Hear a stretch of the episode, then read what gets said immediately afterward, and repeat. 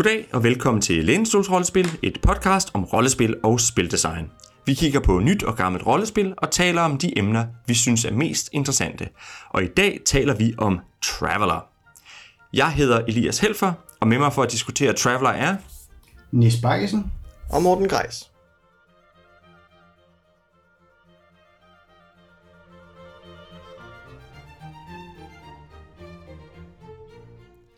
Og som de lyttere, der kender os vil vide, så øh, er Oliver fraværende i dag.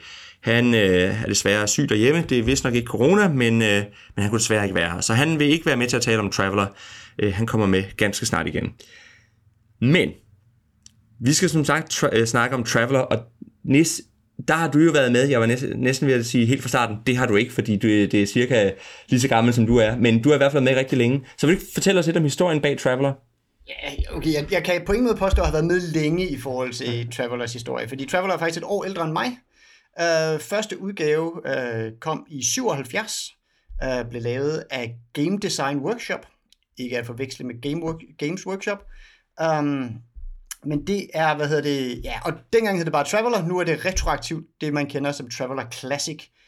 Øhm, og hvis vi lige skal sætte 77 lidt i perspektiv, så er det samme øh, år, som øh, D&D, øh, AD&D First Edition udkommer, og D&D øh, White Box.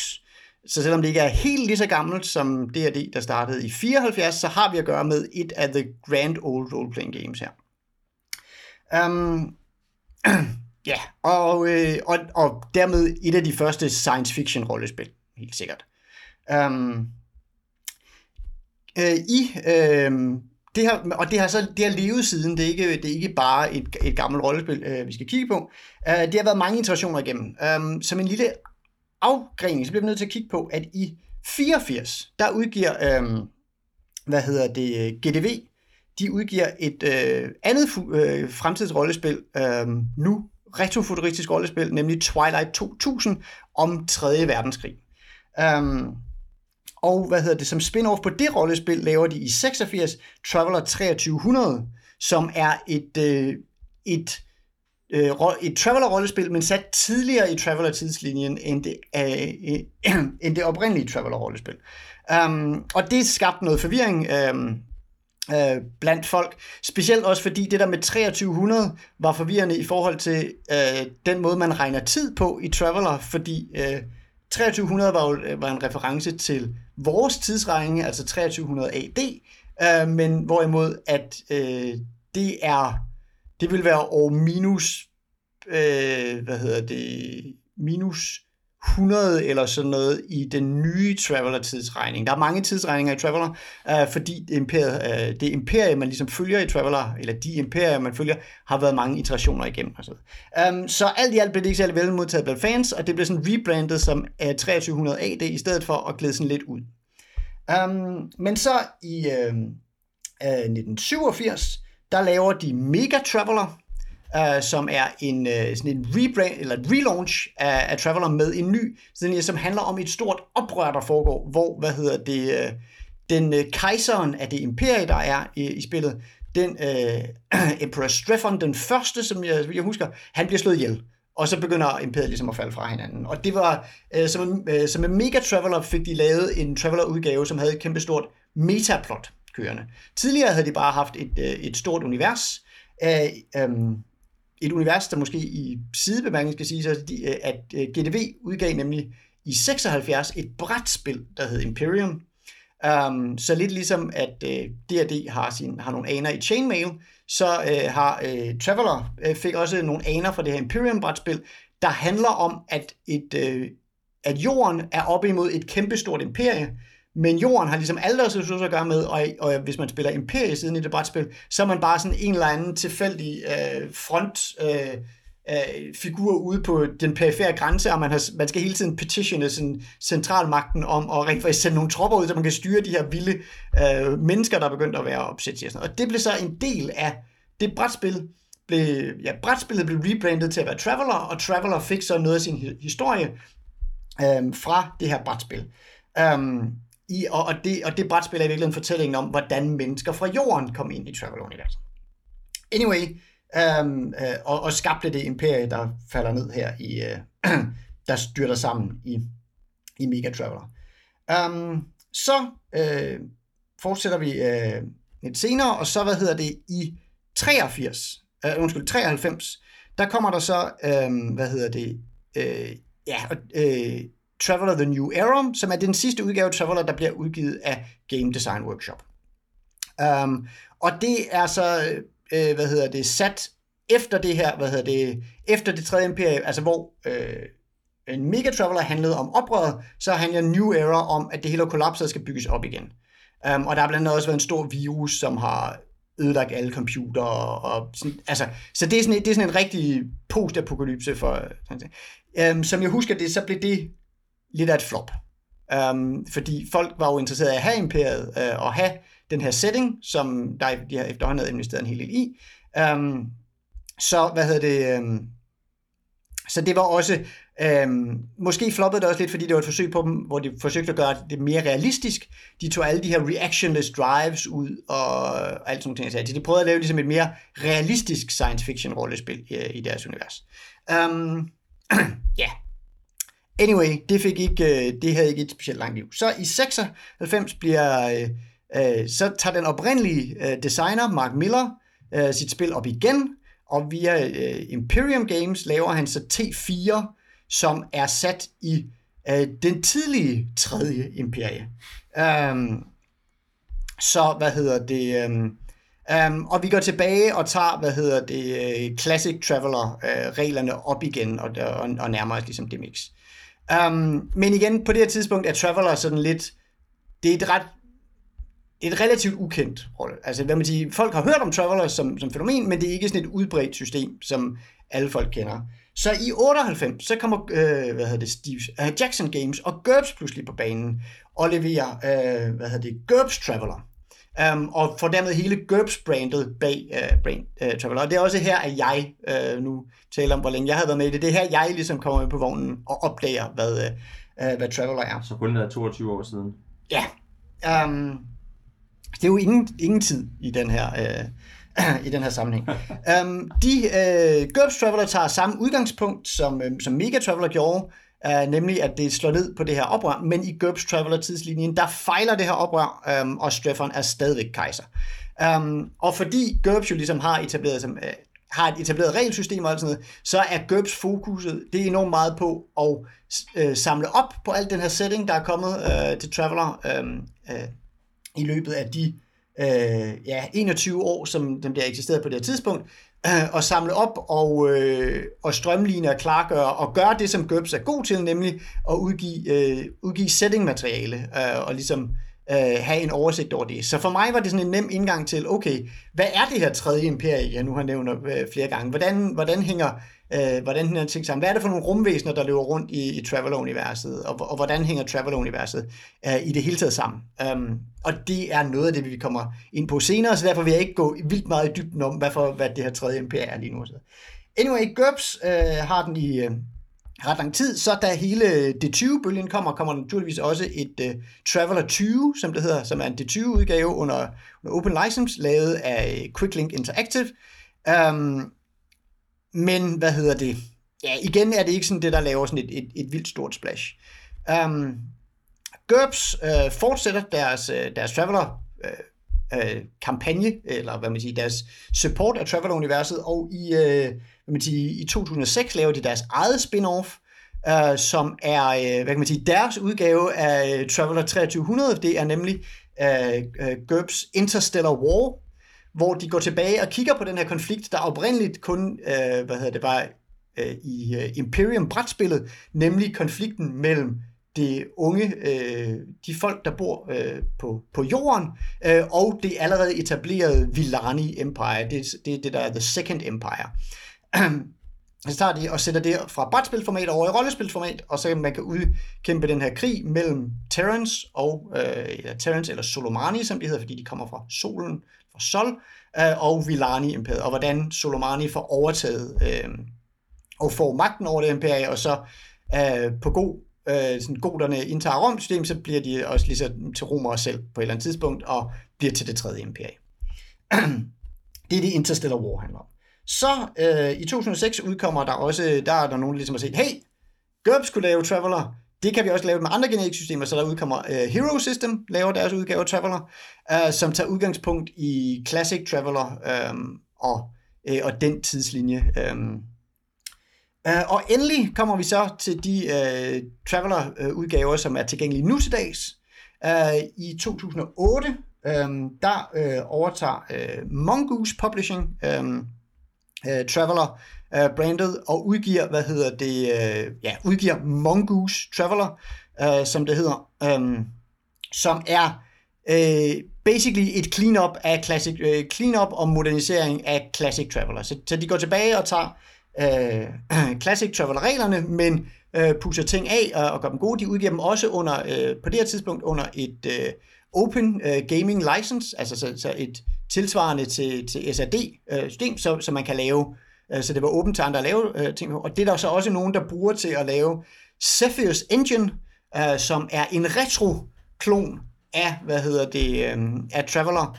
fordi på det her tidspunkt er retro-bølgen også kommet i gang. Men i virkeligheden er der ikke så meget brug for en retro-bølge, fordi med Mongoose Traveler har man i hvert fald regelteknisk er ting stort set kompatible med, hvad hedder det, med Classic Traveler. Altså stat rangen er den samme, skill Øh, nogle af dem har måske fået lidt, nogle lidt andre navne og ting og sager, men det er stort, stort set det samme system. Altså sådan kerne, kernesystemet med, at man slår 2d6 og har nogle dice modifiers osv., det er det samme, som de har taget op i Mongoose. Så fra Mongoose Traveler er vi, er vi tilbage til, at man kan bruge alt sit gamle øh, tra- Traveler-system. Um, der er så, hvad hedder det, um, øh, nogen, der ikke synes, at ja, med, dels med Cepheus Engine, øh, at det ikke var retro nok. Øh, der kommer også en fra Far Future Enterprise i 2013, en Traveler 5, øh, eller Traveler 5 udgave, som er, øh, hvad hedder det, altså der, hvor man tager Art Direction også fra det helt gamle Traveler, og udgiver det i de, øh, i sådan de retro øh, sort-hvid bøger med, med den farvede striber og sådan noget, som er sådan et brand, øh, som, som Traveler havde helt i starten, og som sådan set også blev taget op igen af Mongoose med deres øh, relaunch, men som Traveler 5 ligesom går helt ind på, ved, ved også at tage det gamle bogformat og, og alt sådan noget. Um, og endelig er vi fremme ved, øh, ved det Traveler, der er tilgængeligt i dag, som er Mongoose Traveler Second Edition, hvor de ligesom har, har taget og lagt øh, det, det retro-udtryk, som de øh, brugte, da de først lavede med Mongoose Traveler, øh, på hylden, og har lavet nogle helt moderne øh, sådan high-color uh, øh, bøger osv. Og i virkeligheden, hvad kan man sige, i Mongoose Traveler er de, har de også lagt øh, hele Imperium-sætningen lidt til side, Um, den er der, uh, den er klart den implicite setting, og de har også settingbøger med det, men hvis man køber grundbøgen både i Mongoose Traveler First og i Second Edition, så øh, er der ikke lange kapitler om øh, The Third Imperium og Villania og Solomania og sådan nogle ting. Um, så det er, det, det, er den, det er den lange rejse um, for, øh, for Traveler, um, som er præget af, at, hvad kan man sige, at hvert nyt firma har ligesom lavet et, øh, et relaunch, men at vi så altså undervejs i relaunches er kommet tilbage og har fanget den retrobølge, og dermed har et system, der er kompatibelt hele vejen tilbage til Classic Traveler, og hvor man vil kunne tage scenarier fra Classic Traveler, som er nogle af dem, der er berømte i, i, i Traveler-settingen, eller hvad man siger, hvis man ligesom er inde inspireret fænomenet, så vil man kunne tage dem og spille dem stort set fra bladet med de nye Mongoose Traveler-regler. Ja. Yes, det er ret imponerende. Jeg har tre fodnoter til det her. Um, den ene er bare sådan en ren kuriosum, det er nemlig, du nævner Twilight 2000. Twilight 2000 kommer igen Uh, I 2021 er det planen, at uh, Free League med deres Mutant Year Zero Engine, uh, eller Year Zero Engine, faktisk relauncher i et samarbejde med en af de oprindelige designer. Så vi kommer til at kunne spille 3. verdenskrigs rollespil igen her i 20, uh, i 2020'erne. Um, nu som retrofuturisme i stedet for rigtig futurisme. Ja, lige præcis. Uh, det, det synes jeg er ret fascinerende. Um, og derudover, så det var meget sjovt, at du gennemgik det historisk, fordi at uh, jeg har spillet en af de der, uh, da den kom, det var, jeg så navnene op på det her igen. Jeg har nemlig spillet en af de der uh, Travel, Travel New Era. En den introscenarie ligger nemlig ud til, at man spil, bor i sådan et lavteknologisk samfund, hvor der er rester, ruiner af mærkelig teknologi, og så lige pludselig kommer der de her fremmede fra de ydre verdener ned til en, og man opdager, at man er en del af et ja, et faldent imperium, og man lige pludselig med de her fremmede, der er landet på ens planet, pludselig får adgang til, til ydre rum og så videre. Så jeg har spillet introscenariet, og så nåede vi desværre aldrig mere, men, men det der med at være bønder på en lavteknologisk planet, der opdager, at man er en del af det interstellare imperium. Den, som de introducerer noget af, øh, det har jeg spillet. Og så var jeg jo øh, meget fascineret af Mark Miller's Traveler, fordi at... Øh, og i hvert fald med noget, der gjorde jeg bemærket bøgerne i sin tid, er, at alle forsiderne er malerier af, øh, lavet af Chris Foss, og øh, folk, der er vokset op med science fiction paperbacks fra Bantam og andre forlag i 70'erne og 80'erne, vil genkende forsiderne øh, på Mark Miller's Traveler, for det er de samme, fordi Chris Foss har en helt særlig en science øh, fiction streg, øh, med rumskibe og galakser og ting og sager, som, som øh, Mark Miller har fået lov at bruge, fordi Chris Foss tilfældigvis også er Traveler-fan.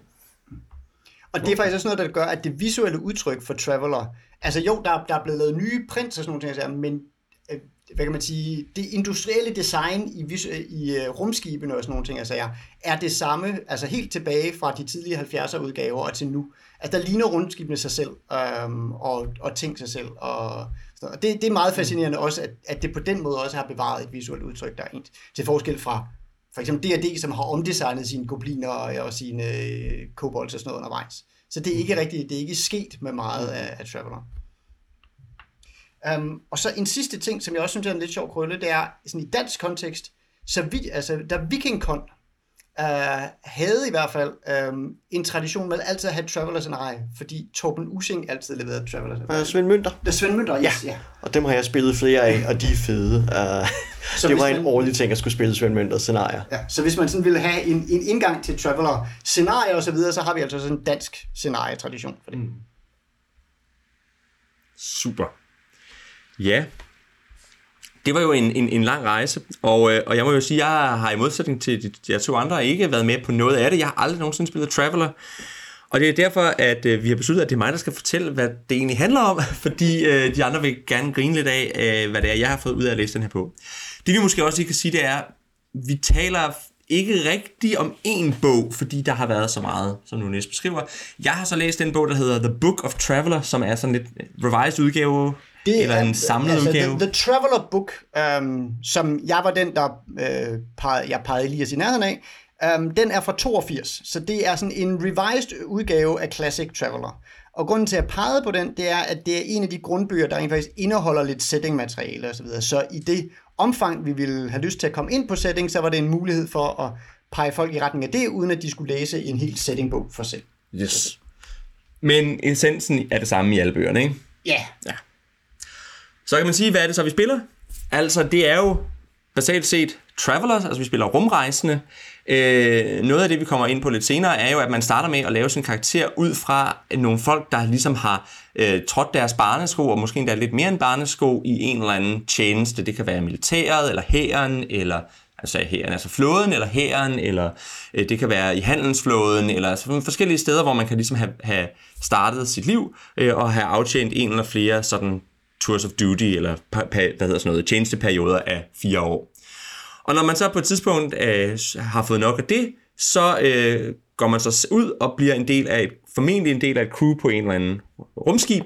Det ser ud som om, man også godt bare kunne spille folk, der, der sådan bliver passagerer med nogle af de her rumskibe, men det ser ud som om, der er lagt andet til, at man, man har et rumskib, og så rejser man ellers rundt, man øh, har varer med, altså hvad hedder sådan noget, last med rundt til de forskellige rum, rumstationer, passagerer øh, på, i forskellige øh, luksusniveauer fra, øh, måske dør du, når du, når du bliver vækket igen fra den her kryosøvn, til du lever i sus og dus øh, i den uge, øh, det varer.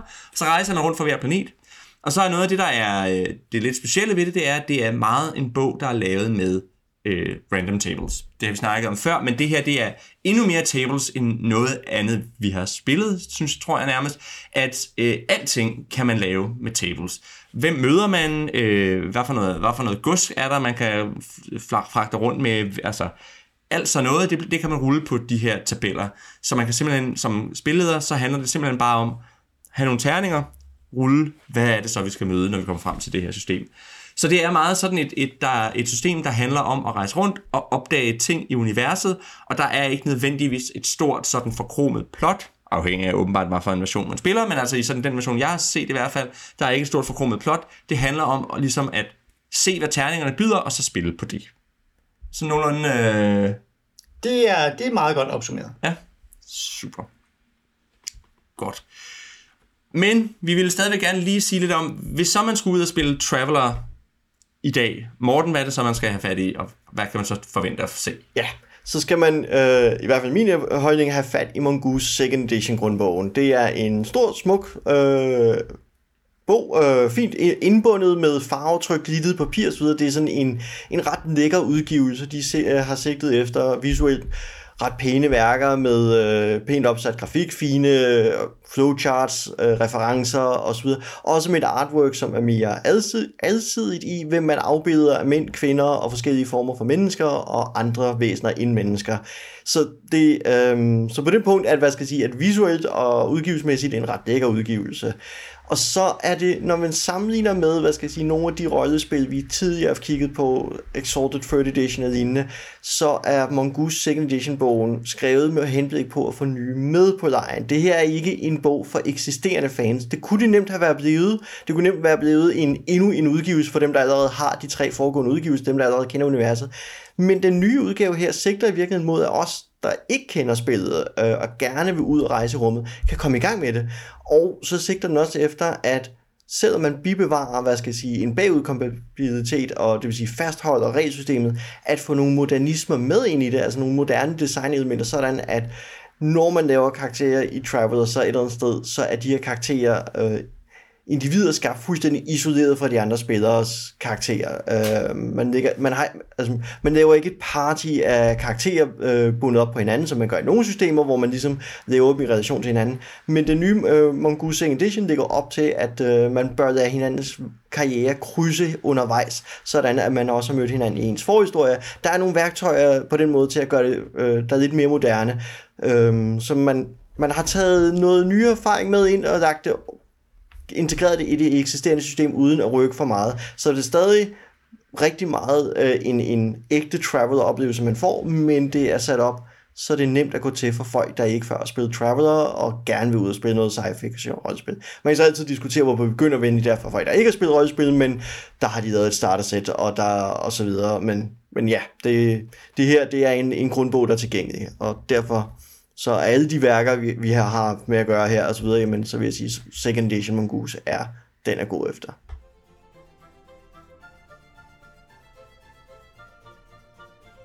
Godt. Men lad os komme til det. Nis, hvis nu du skulle fortælle nogen, hvad der er det helt særlige og fede ved Traveler, hvad vil du så lægge vægt på? Hvad, hvad kan vi ligesom pege på, der er interessant ved Traveler? Jo, jamen altså, hvad man siger, der, der er et par ting, som jeg synes er interessant ved, ved Traveler. Øhm, et af det er karakterskabelsen, som vi har nævnt lidt om, som er den her career path, og det tænker jeg, vi vil vende tilbage til senere. Um, for det er noget, man også nu kan finde mange andre steder i, i mange andre rollespil. Um, Traveler var uden tvivl først med det, men, men nu er der andre, der ligesom har, har fået fuldt med på den idé. Men ellers så synes jeg, altså det er jo det er et øh, sandkassespil par excellence. Um, og det er det, fordi, øh, hvad man siger, nu i de nye udgaver får du ikke måske leveret det setting i, i grundbogen, uh, men der er den her enorme setting. Og hvis man vil have lidt en idé om, hvor enorm den setting er, um, så kan man gå ind på, the tra- uh, på Travelermap, uh, www.travelermap.com, um, og så kan man se hele det, uh, alle, alle de planeter, der er med i Traveler-universet. Og til forskel fra andre store universer, som bare ligesom siger, ja okay, så der er det i det her enorme ting. Altså så alle de planeter, der er der, de har, de har stats. Du ved, hvad du kan købe og sælge på de her planeter. Du ved, øhm, du ved om dit rumskib kan blive repareret. Altså, og på den måde er det et vanvittigt stor sandkasse. Som dermed også, altså det er en sandkasse, der, der for en gang skyld er større end, end nogen spilleder kunne være. Altså hvis en spiller først begynder at sige, fuck it, vi tanker rumskibet op, og så begynder vi altså bare at hoppe i spinboard retningen og så ser vi, hvor vi kommer hen, så kommer man rimelig hurtigt langt væk fra, øh, fra alt, hvad en billede kunne have forberedt øh, til at starte med. Og det, det, det synes jeg sådan er lidt et, øh, noget særligt, øh, altså, og som det virkelig har embraced ved det, som du også var inde på, med at, øh, at helt fra starten er det ligesom lagt op til, at alt muligt kan genereres med, øh, med tabeller og sådan noget. Det betyder selvfølgelig ikke, at man, man laver også scenarier i Traveler, og man kan også sagtens fortælle, fortælle plots øh, og, og, og have sådan nogle ting. Altså, det, det er ikke fordi, man ikke kan lave helt normalt rollespil i Traveler, det kan man sagtens. Men som fænomen, og som det, det ligesom lægger op til og indbyder folk til, der er det bare, hvad hedder det, der er det den her enormt store setting, som også, som også er beboet af nogle, altså, det, der, der er også, nu har vi talt, der der er mennesker, der er rigtig mange mennesker i de her, øh, hvad hedder det, fordi der har været det her enorme menneskeimperie, som til synligheden var opstået før, at menneskene på jorden fik, øh, øh, fik rum, øh, øh, osv. Så, så hvordan er de alle sammen kommet derud? Der er sådan forskellige hypoteser. Øh, nogle, hvad hedder det, nationalister fra jorden, de påstår hårdnakket, at alle mennesker oprindeligt kommer fra jorden, og at det må have været nogle andre, der har spredt dem ud over galaksen, før, øh, før menneskene fra jorden fik muligheden. Øh, men, øh, men hvem ved, hvad der i virkeligheden er sandt? Fordi i hvert fald har de der de tidligere imperier, øh, det første og det, det andet imperie, der kom før dem fra jorden kom og gjorde dem, de har eksisteret i tusinder af år inden, og har været faldet sammen og vokset op igen og, og så videre. Um, så der er den her meget rige setting um, at gå på opdagelse i, men som man omvendt, altså som ikke, hvad man siger, som ikke sådan tvinger en til at, altså fordi det er ikke en setting med et plot, det er ikke ligesom at komme ind i Star Wars eller sådan noget, hvor der ligesom er en fortælling i den her setting. Der er enormt mange fortællinger. Um, og de har også lavet en, altså de har også med den setting lavet en setting, der er lavet til sandkassespil. Fordi der er, ikke, der er for eksempel ikke uh, instant communication i Travel-universet. Um, det er sådan en, en definerende faktor ved Travel-universet er, at uh, hvad kan man sige, rumskibe, de kan lave de her hop, som går hurtigere end lyset, uh, og hvor man kan hoppe, uh, i, hvor, hvor, hvor godt et jump drive man har, det afgør, hvor langt man kan komme på et hop, men et hop tager altid en uge uh, i, uh, i subjektiv tid, og i, ja, også i man, vi kører ikke så meget med relativistisk tid, så det er også taget en uge udenfor. Hvis man, hvis man hopper frem og tilbage igen, så er der gået 14 dage, før man kommer tilbage igen. Ja. Um, og det er den eneste måde, man kan transportere in, øh, både varer, men også øh, information. Og det betyder, at, øh, at information bevæger sig langsomt gennem det univers. Og vi har i virkeligheden sådan en, øh, en setting, der er lidt ala øh, de koloniale imperier i 1600-1700-tallet på jorden, hvor at, ja ja, Spanien eller øh, England, de kontrollerede halvdelen af verden øh, hver, men, øh, og, men at få information fra hovedstaden og ud til en eller anden guvernør eller sted, det tog rimelig lang tid, så man blev nødt til at have rimelig meget autonomi, autonomi øh, ude i de enkelte steder. Og det betyder også, at selvom vi har det her futuristiske imperie og futuristiske teknologi, og sådan jeg siger, så kan man stadigvæk godt være rumpirat, fordi man skal bare holde sig et hop foran myndighederne, som fortæller, hvad man har gjort. Um, og man kan stadigvæk, øh, og man kan stadigvæk godt være den eneste, det eneste rumskib i sektoren, der skal respondere på en mayday, fordi altså så mange, altså det, det Mayday kommer ikke til en anden planet, så, man er, så hvis man tilfældigvis var den, der var in system øh, og kunne høre det over radioen, så er man nok den, der må tage sig af det og sådan nogle ting her. Så på den måde har de fået lavet en science fiction setting, som bibeholder en masse frihed, øh, altså, og hvor man ikke, hvor settingen i sig selv leverer øh, i hvert fald nogle af forklaringerne på, hvorfor man ikke bare står op på sin computer, eller øh, hvorfor man er det rumskib, der må, der må gøre noget og sådan nogle ting. Altså.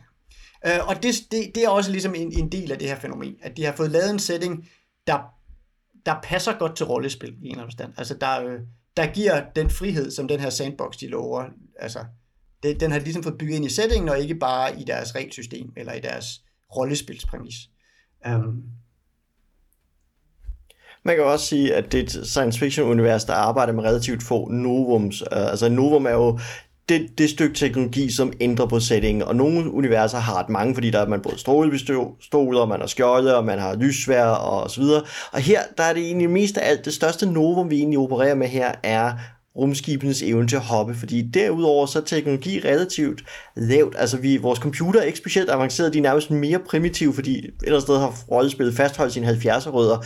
Så vi har en form for blue collar science fiction univers, ligesom Alien universet er det, så det, fordi et eller andet sted, så det vi ser i den første Alien-univers kunne meget nemt tilpasses ind i Traveler-univers. Um, øhm, det, rumskibene rejser lidt anderledes ind i forhold til Traveler, men besætningen ombord er ikke meget anderledes end en Traveler-besætning i virkeligheden er det. Så, så Alien er på sin egen sære måde et ret godt eksempel på, hvordan Traveler er. Også at man kan finde øh, spor af andre rumvæsener, der er spredt ud over efter scenarieskrivers behov. Øh, er der jo monumenter og mystiske civilisationer fra forsvundne civil- øh, raser og kulturer og ting og sager fra fordi det her også er et gammelt univers, ikke? altså det er jo 10.000 år gammelt, og det vil sige, der har været ting før menneskeheden inde på en specifik planet, eller i hele regioner af rummet.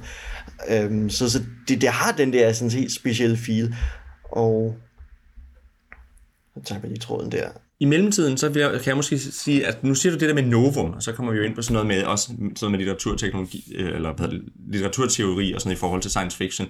Og det er jo interessant, fordi man, man, man siger tit, at en historie kan typisk bære et novum, og så kommer der selvfølgelig alt det, der ligesom følger med. Altså at, at øh, hvad hedder det, hvis nu vi for eksempel tager, hvad kunne man tage af, af en science fiction historie, øh, hvis vi tager, øh, ja igen, hvis, hvis vi tager Alien, så er der det, så er Nova men nok i virkeligheden det der med, at der findes andre raser ude omkring, ude i universet. Det vil på en eller anden måde være den, den ting, man skal sluge, og så er al resten, det følger med, at når, jo, når mennesker kommer der ud, og så videre, og så videre, og så videre. Ikke? Øhm, det, der så nok er for mange science fiction rollespil, det er, at det, de i virkeligheden læner sig meget op af, det er alle de andre science fiction medier, vi har slugt. Altså, at, at hvad hedder det, man kan sige, hvis nu vi tager Shadowrun, Shadowrun har vi kigget på, ikke? at der er det store novum, det er det der med, at i fremtiden, der vil der være øh, i fremtiden der vil der være adventure, adventuring parties, hvis nu vi skal være sådan hele... Øh, ja, men det er jo virkelig det, der er novummet i Shadowrun. Det er det der med, at vi har både troldmænd og elver og orker, og, øh, og, og hvad sker der, hvis man placerer dem i sådan en storbysætning? Ja, det er murder hobos. Murder hobos er der ikke rigtig plads til, så derfor bliver det til Shadowrun. Det giver faktisk, altså, og, og hvis vi køber den, det udgangspunkt, så følger resten med naturligt. Ikke? Og hvor man kan sige, her der er det det der med, jamen, der vil det store novum, det vil, det vil være det der med, jamen altså, at en rumrejse kommer til at tage en uge. Det er på en eller anden måde det, at når vi har den, så følger alt resten af traveler-settingen, det følger med fra den. Ikke? Så det er, ligesom, det er ligesom det, der er, så vidt jeg kan se det, der er øh, nøglen til travelers setting og mekanik. Ikke? Fordi man kan sige, for eksempel, det synes jeg var lidt interessant, når man kigger på deres våbensektion, så er det basalt set de våben, vi har i dag. Der er nogle laserpistoler, men, men dem er de ikke sådan specielt. Det er mest, fordi der skal være nogle laserpistoler, ikke? Eller, mm. Altså, så, så, så det, det vigtige for dem, det er, det der med, det, det er de der drives. Og det, ja. det er det, der ligesom er, er nøglen til at forstå, hvordan det er, det her system fungerer, så vidt jeg kan se det. Ikke? Og noget af det tror jeg også handler om, at det er så gammelt et system, at, at, at, øh, at, det, at science fiction har været mindre etableret, og det vil sige, at der har været færre ting, de kunne få folk til at spise, øh, uden, og, altså, og nu ved jeg godt, at der har selvfølgelig været meget science fiction øh, litteratur på det tidspunkt, ikke? men alligevel tror jeg måske også, det har været altså, at, at hvis det var blevet lavet i dag, ville de sikkert være gået videre på nogle ting. Måske. Det ved jeg ikke. Mm. Det, det, det er svært, altså det, den er svært, fordi at science fiction, øh, altså på det tidspunkt her, der har vi jo masser af space opera science fiction. Altså vi har de tidlige stadier, som sådan noget Jens Lyn øh, ting med strålepistol og så videre, der primært foregår i vores eget solsystem, hvor man har, hvad skal jeg sige, hvor hver planet jo nu bliver til, øh, hvad skal jeg sige, en monokultur, ikke? Altså du har jungelplaneten, du har ørkenplaneten, du har øh, gasplaneten, ikke? Altså et eller andet sted kimen til det, som Star Wars jo bagefter gør med sine monokulturelle planeter.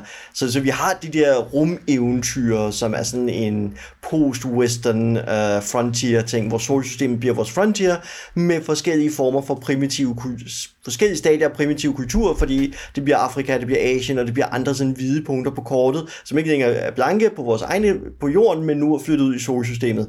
Og så har vi, hvad skal jeg sige, en, øh, det er den tidligste del af Space op, og så har vi der, hvor de er rykket godt stykke videre. Vi har øh, altså Heinlein og Niven og flere af de andre, som øh, går ud og begynder at kolonisere rummet, og vi får en hel del sådan science fiction, som er frontier science fiction, hvor det handler om kolonistlivet på planeter og og et eller andet sted, hvor de prøver ligesom undskyld forklare, hvorfor er det nødvendigt at heste og lave teknologi igen. Det er fordi, det er ret svært at få forsyninger ind. Det er billigere at vedligeholde en hest end en motor på en, en ny koloniseret planet.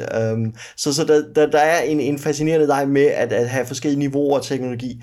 Og det andet sted synes jeg, at Traveler gør meget af det samme, at den rammer ind i lige præcis den type af science fiction space opera med, at vi ikke er nået over i super science uh, space opera, som vi har i New Space Opera med Alistair Reynolds og med Ian Banks uh, og, og lignende science fiction forfattere. Vi er lige der, hvor det sådan, er stadig er sådan prædigital science fiction. Um, så, og det mindede mig om, at den pointe, nu bliver jeg nødt til at tilbage meget hurtigt, øh, men den pointe, jeg vil gerne vil, det var, at noget, jeg godt kan lide ved Travel-universet også, er det kort, som Næs bragte på banen, nemlig det med, at det er meget konkret. Star Wars-universet fortæller bare, at der er planeter. Vi ved ikke, hvor noget er i forhold til noget andet. Vi ved aldrig, når en flåde flyver et sted hen og belejrer noget, men hvor er tingene i forhold til hinanden? Og andet sted er det sjove ved Travel-universet er, jeg ved præcis, hvor tingene er. Jeg er aldrig i tvivl om, hvis hvordan, og så videre. Ikke? Altså, der er en konkretisering til rumuniverset, som få andre, eller prægtaget så godt som ingen andre science fiction rollespil gør det, mindre vi er som en i solsystemet, for det ved jeg godt, hvor Neptun og Uranus er, men, men der er en konkretisering af rummet, som er, ellers er fraværende i meget science fiction rollespil. Jo, og man kan da sige, at hvis man går over i The Expanse, så er det stadigvæk, altså, så ved vi, hvor planeterne er, men, men det bliver stadigvæk sådan lidt washed ud i den forstand, at vi siger, Nå ja, okay, så rejser man fra den ene til den anden, og sådan nogle ting og sager, og, og, men vi tager os ikke af, at de bevæger sig rundt og sådan noget, mm.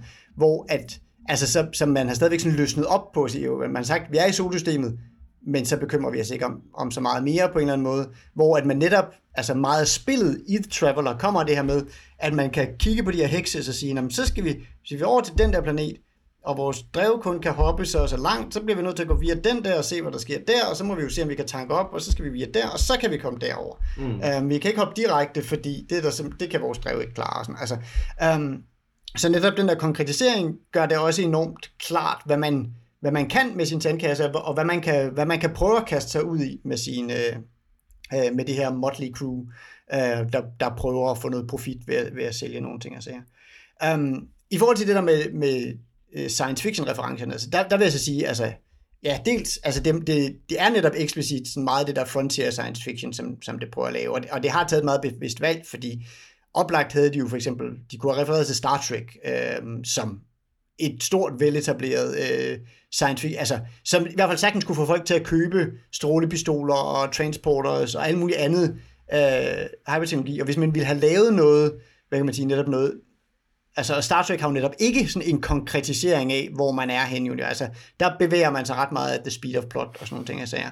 Og det er jo, øh, og det er jo man kan sige, på sin vis er det måske nærmest, uden at de taler om det eksplicit, så er det måske nærmest en slags modreaktion på sådan noget som, øh, som Star Trek, og en modreaktion på sådan noget som Star Wars, som jo godt nok kun er udkommet lige præcis samtidig med, med, den, med den første udgave, men er, hvor, fordi det handler heller ikke om øh, store pitched space battles og, øh, og kampen mod det, det gode og det onde osv. Det, det handler om rumtrukkere, um, og, og det handler om, øh, om rummet som den her frontier osv. Omvendt er det slet, det er overhovedet heller ikke hard science fiction. Altså, og det er de også helt øh, opnået. De har, hvad hedder det, uh, altså deres rumvæsener er, i hvert fald nogle af de klassiske rumvæsener, er, er sådan folk i latex -dragt. Altså det er, det er hundemænd, og det er kattemænd. Um, øhm, de er så ikke med i det, vi har De, de er ikke, de er ikke med i, i. Øh, i, i The Traveler Book, men, men de er med allerede helt fra, fra klassisk Traveler.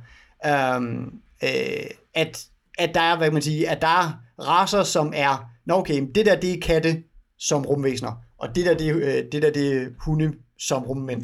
Men det er, jo, det er jo også en, en, en hedderkronet... Altså... Ja, det, det er en hedderkronet tradition, det er ja, ja. Ikke, men det er bare, det er ikke hard science fiction. Det er, øh, altså det, på den måde er, er, det, er det space opera, på den måde er det, altså er det netop, jamen de vil have den der fornemmelse af øh, at være pirater eller handelsrejsende i Karibien i, øh, i 1600-tallet. Ikke? Altså hvor, ja ja, der er en stor autoritet derude og så videre, men lige her på vores øer, der er det sådan lidt, hvilket skib der nu var i nærheden, der, der dikterer sagerne. Ikke? Um, og det er den stemning, det, det er meget prøver at ramme. Så kan vi måske lige kigge lidt på, altså noget af det, der er jo sådan, for nu har vi snakket en del om det der med sådan science fiction elementerne, fordi der synes jeg jo, at noget af det, der også er meget kendetegnende for det, det, det er den måde, skibene bevæger sig på. Og vi har også snakket lidt om, inden vi begynder at optage, om den måde, der de laver sådan en kamp på. Vil du ikke prøve at beskrive, hvordan, hvad, nogle af detaljerne i det, noget af det? Altså, hvordan? Ja, man kan sige, imellem der, øh, rummet, der, der er det, man laver det her jump, som bare er, okay, man programmerer ind, og så er man i sådan et jump space i en, i en uge, og så kommer man ud igen i et nyt system. Når man flyver, men inde i øh, systemet, der er, hvad hedder det, øh, der er det øh, rigtig øh, rumfysik i den forstand, at jamen, der øh, accelererer man og, øh, øh, og sådan noget mellem planeterne. Man har typisk i, eller i det meste af Traveler, ud over det der Traveler New Era, så har man reactionless drives, det vil sige, at man kan tillade sig at være under konstant acceleration, øhm, og sådan nogle ting, jeg siger. Men men de går ret meget op i fysikken, altså, og det er sådan et, øh, det er sådan et system, hvor de fortæller om, øh, øh, ja, om delta V og, øh, øh, og, og accelerationskurver, og hvordan man accelererer halvvejs hen til, til målet, og så vender man om, og så decelererer man, fordi det er den, det er den hurtigste måde at komme frem og tilbage. Og i deres rumskibskampsystem, det har de streamlinet noget i de nye udgaver, så det vil man ikke støde på, hvis man tager Mongoose eller Second Edition. Men dengang tilbage i det klassiske ting, der var det rent faktisk noget med, altså, at man, altså noget vektorregning, hvor man, og ikke engang vektorregning på et hexmap eller sådan noget, men bare sådan rent stiller op på et kort, så har man sin figur, og så siger man, den bevæger sig så, øh, ja, i en eller anden skala øh, 13 cm i den her retning lige nu. Og det bliver den ved med, indtil den accelererer anderledes. Hvis man så accelererer, jamen, så lægger man en anden vektor på i den retning, man accelererer, og så finder man ud af, hvad den samlede vektor nu er, og så er det ens nye vektor, og det gør man ved at trække snore rundt og, og lave sådan, uh, ja, god gammeldags vektorrally, som øh, uh, nogle af os, der, der har læst fysik, uh, kender derfra. Sådan Men altså, altså virkelig nørdet, og det er også, det er også sigende, at det er et amerikansk rollespil, som, uh, som bruger metric system uh, for at kunne gøre de her ting sådan mere videnskabeligt. Um, uh, og den, altså, fordi det, det går de sgu op i. Altså det kan godt være, at det er, at det er space opera i sine rumvæsener og i kolonisering osv., videre, men de ting, de ligesom har kunnet have styr på i en eller anden forstand, det, det kan de godt lide at, at nørde med. Um, og, og noget, og hvad kan man sige, selvom, ja, selvom man ikke laver vektorrally længere, når man spiller rumskibskamp i, i de nyeste udgaver, så er det stadigvæk, det er stadigvæk den tone, som deres rumskibsdesignsystemer og sådan noget har.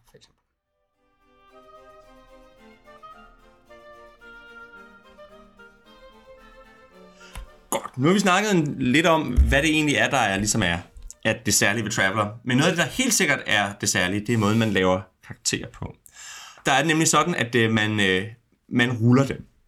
Det gør man i hvert fald i den version, jeg har læst, på den måde, at man starter med at rulle nogle, øh, hvad hedder sådan noget, nogle grundlæggende stats, og derefter så vælger man så, hvad for en af seks forskellige tjenester, øh, ens karakter har forsøgt at komme ind på. Jeg siger forsøgt, fordi man kan ikke være sikker på at komme ind. Så gør man det, man ruller et enrollment-rull. Og så ser man, om det lykkedes en at komme ind på akademiet, eller hvad det nu var, man ville. Og øh, hvis det ikke lykkes, så ruller man det 6, og så ser man, hvilken en man kommer ind på. Så kan det godt være, at man kommer ind på den samme, man lige ikke kom ind på, men altså, så er man så kun med som, øh, hvad hedder sådan noget, som draftee, i stedet for som en, der er kommet ind på akademiet. Og det giver så nogle, nogle begrænsninger på, hvad man kan.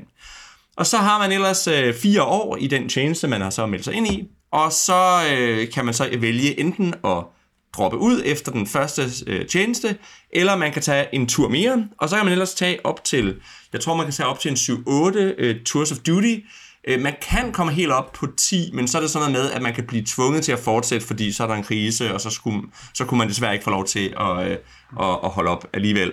Øh, men ellers så fortsætter man så mange gange, man vil. Og, øh, og på hver Tour of Duty, der får du for det første nogle skills, øh, men du har også mulighed for, at der sker nogle ting for dig. Du har mulighed for at blive commission, det vil sige, du har mulighed for ligesom at, at blive officer, og så har du mulighed for, mulighed for at løbende at stige graderne der er også en vis chance for, at du simpelthen bare kommer ud for et eller andet forfærdeligt og dør, før du overhovedet er kommet i spil. Og det er simpelthen et fladt rull. Hvis du ruller for dårligt, så dør du, og så må du rulle en ny karakter. Øh, så det er, sådan, det er sådan udgangspunktet i den version, jeg har læst. Så sker der så lidt mere, når vi kommer lidt længere op, så udvikler de det her system og raffinerer det lidt. Øh, det kan være, at vi skal kigge lidt på nogle af de ting, de så gør. Øh, Ja, altså man kan sige, øh, grundkernen i, altså, og, og det, er jo, det er jo en af de ting, som, øh, hvad hedder det, øh, Traveler er berømt for. Netop det med, okay, du kan dø under character øh, generation.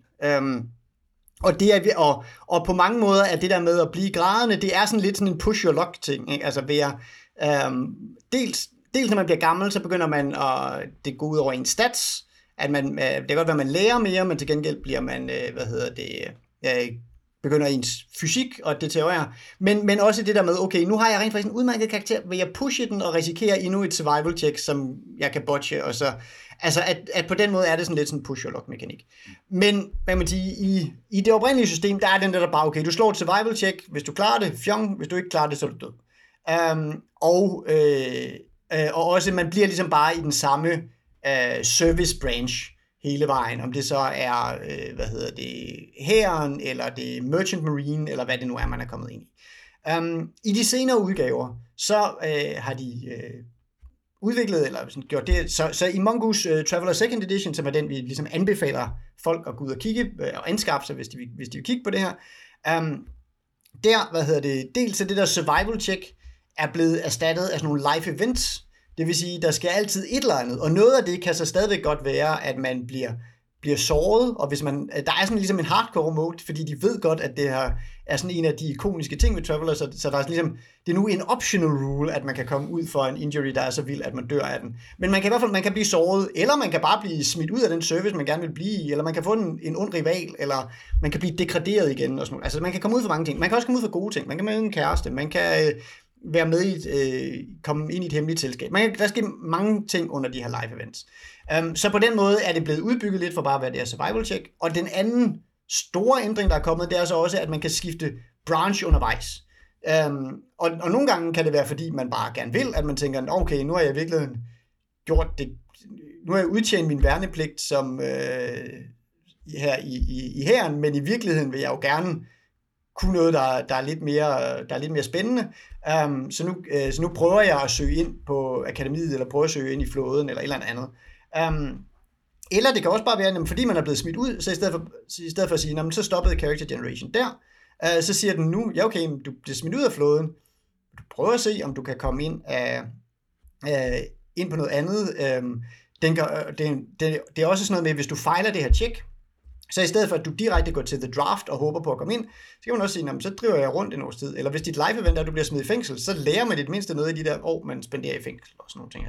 Så, så de har fået gjort det, hvad hedder det, der, der er kommet lidt mere spil uh, i det, og det, det er lidt mere interessant. Men grundkernen er stadigvæk den her med, okay, at man, udsp- at man har ligesom et lille minigame til at udspille en livshistorie for sin karakter, så man ved, hvad den har været igennem.